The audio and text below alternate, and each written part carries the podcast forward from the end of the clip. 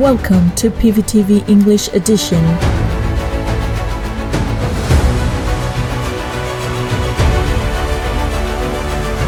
In this program, the state of play in Myanmar.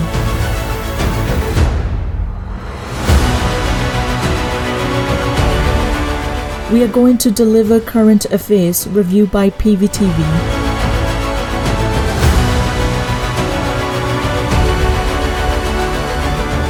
So that our friends around the world who are craving for democracy and human rights get a better understanding of the actual footage of the situations in Myanmar.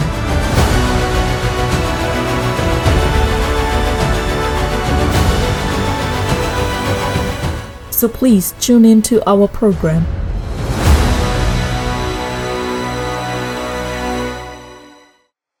Terrorist military council to be held accountable for their crimes against humanity. Myanmar people on the plains who did not believe that the terrorist military was committing genocide in the ethnic areas are now witnessing massacres by the military. During one year after the coup, the terrorist military carried out massacres of civilians in Sagaing and Magway regions, as well as in Karenni and Chin states. Even the world is shocked by the brutal massacre of the people by the military, regardless of the geographical area. Even under NLD government, which is said to be a democratic one, the terrorist military committed mass killings of the Rohingya in Rakhine State. Mahn Win Than, the current Union Prime Minister and Speaker of the National Assembly at that time, said he had to believe the military leaders when they faked the evidences and claimed innocence. There were few records in the past crimes, but in the current Spring Revolution, there are many strong evidences, and there is no way that the terrorist military can deny their atrocities.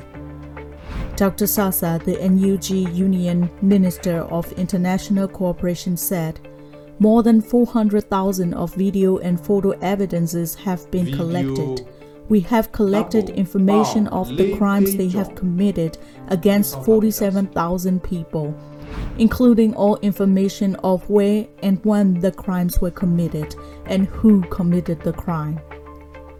He added that more than 700 cases of violations of international laws by the terrorist military have been collected.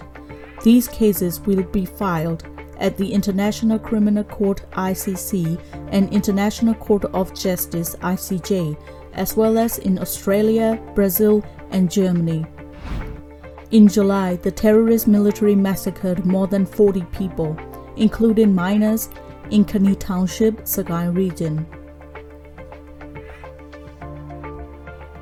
On January 11th and 12th, 16 dead bodies with their hands tied on their back were found near Yin Village, Kani Township.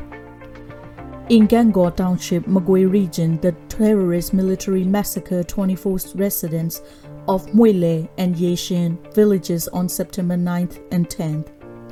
Eight of the victims were killed after being captured. Among the victims, there were people in their 70s as well as three high school students. The military killed civilians upon suspicion, arrested them, tortured them, burned their houses, and struck with heavy weapons without distinguishing them from the armed groups. These are crimes against humanity.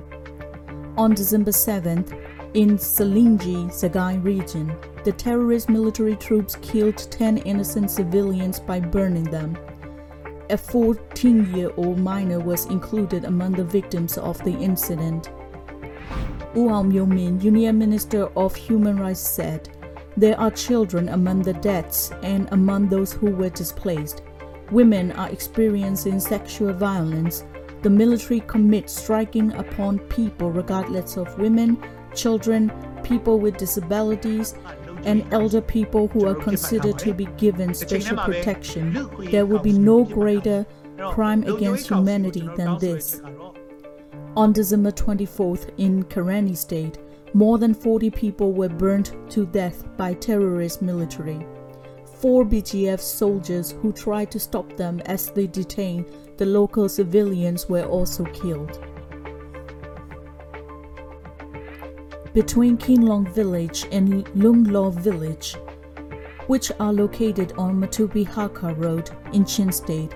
11 civilians were used as human shield on January 6th and 7th, and they were brutally killed by the terrorist military on January 8th. A 13-year-old minor was included among the victims. Wu Min pointed out there is another case of the military committing crimes against humanity. The National Unity Government has called on the people to report any incidents of arrest, torture, or abduction by the terrorist military. If it is difficult to contact NUG, report can be done through the People's Defense Forces. Human rights activists remarked the military is deliberately killing people. Not only organizations or groups, but also citizens on their own can file cases at ICJ and ICC. They will take action more quickly when complaints from the people, complaints from the Independent Investigative Mechanism from Myanmar, IIMM, and complaints from the other organizations are all brought together. Dr. Sasa says there will never stop taking actions to prosecute the terrorist military leaders who cruelly killed the people. We will never pause. We will never stop until the justice is done. The Minian military, which has been nurtured by successive Myanmar military dictators to perpetuate their grip on power, has consistently committed terrorism but has always escaped punishment. Military leaders who have committed crimes against humanity in the past has been enjoying the impunity and now it's time to stop granting the impunity.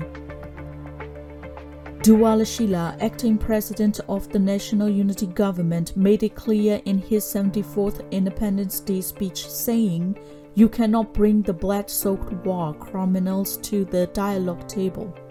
You need to send them to both domestic and international ပြည်သူ criminal သွေးစွန်း courts. နေတဲ့စိတ်ရဆွအကောင့်တွေဆိုတာနိုင်ငံရဲ့စပွဲဝိုင်းကိုပို့ရမှာမဟုတ်ဘူးသူတို့ကိုပို့ရမယ့်နေရာကပြည်သွေးပြပရာဆွခုံရုံးများပဲဖြစ်ပါတယ်